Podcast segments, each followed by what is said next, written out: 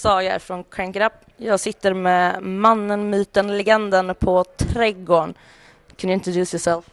Hi, I'm Derrick Green. I sing in Sepultura. The man, the myth, the legend, always, I just said. How are you feeling in uh, Sweden? We just had snow. I, I feel pretty good despite the snow and the cold. I hate it. I, I don't like that at all. But uh, it feels good to be back here. Um, I'm looking forward to the show tonight. I feel pretty well rested. So it's exciting, you know, playing a lot of the old stuff, old material. Should be a good time. How can you be rested? I, I heard that you play did like 14 gigs in a row now. Mm-hmm. How the hell are you rested? Yeah, I know. I just it's kind of like keep it out of my mind that there's been that many gigs so far, but I've been good, you know, really taking care of myself and I think everybody else has the same way, not partying too much and just staying focused, you know. It's like everybody wants to do a really good job, so and we're a little bit older, so Been there, done that. yeah. Well, it's better than a retirement home, right? Yeah, I guess so. For now it is. It's in about 20 years then. uh, do you have, you only been in the band since 98? Is that right? yep. It's about 14 years. But That's a long time. Yeah. but this is more metal, thrash metal classics. You're right, right. Do, do you have any new thing that you're going to do that your was on the, was being recording, or is it just really, really old classics? No, I mean it's stuff that they they had from the past before I joined the band. And what I'm bringing is just the power and the energy into those songs. It's been many years since they performed a lot of the songs uh, for Sepultura fans. It's a great joy to hear them live again.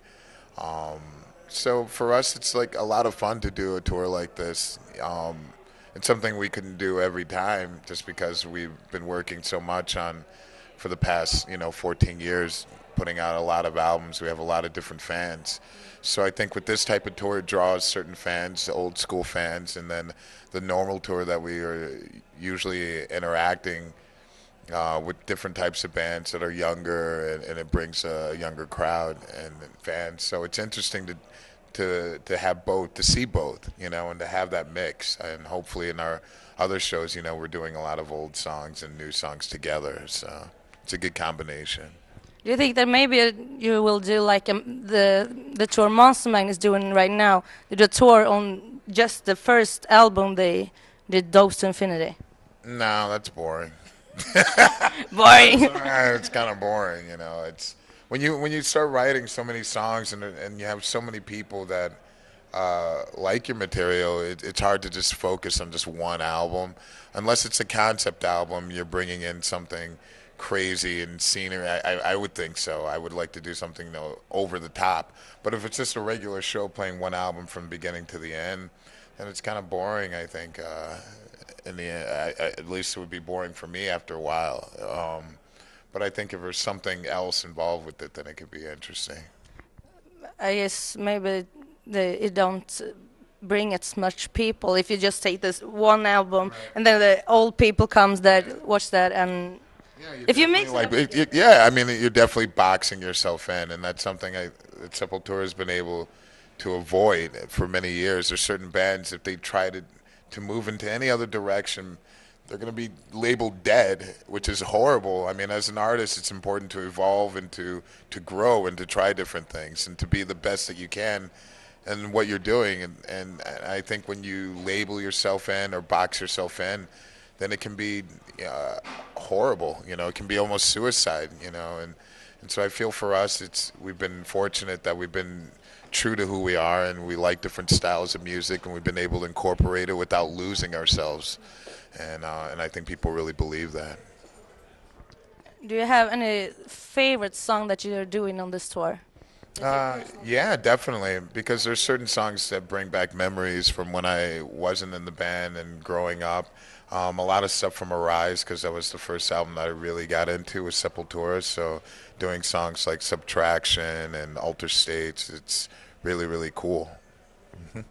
So you're like a Sepultura fan that just got the golden lottery ticket, and I mean, it must be a huge dream if you listen to them f- since the Arise album.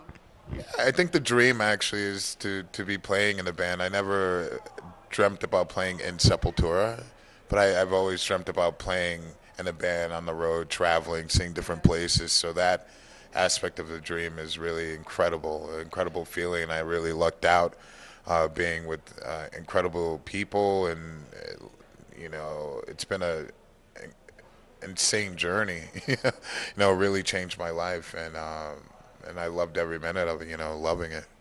Do you have any special favorite memory that you want to share, like some crazy fucked up thing, or just uh, awesome memory that this is nothing you're never gonna forget?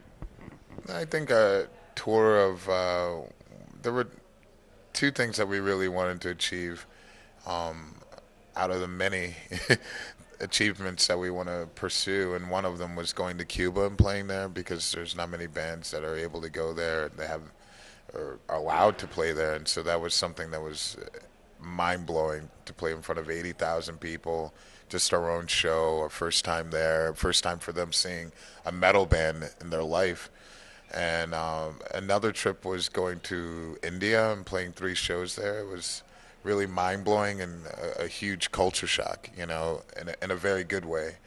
And those are experiences I'll never forget playing on like a bamboo stage or traveling where I felt that I was going to die at any moment and just completely being vulnerable, you know, surrounded by a billion people. It was just something I never encountered in my life.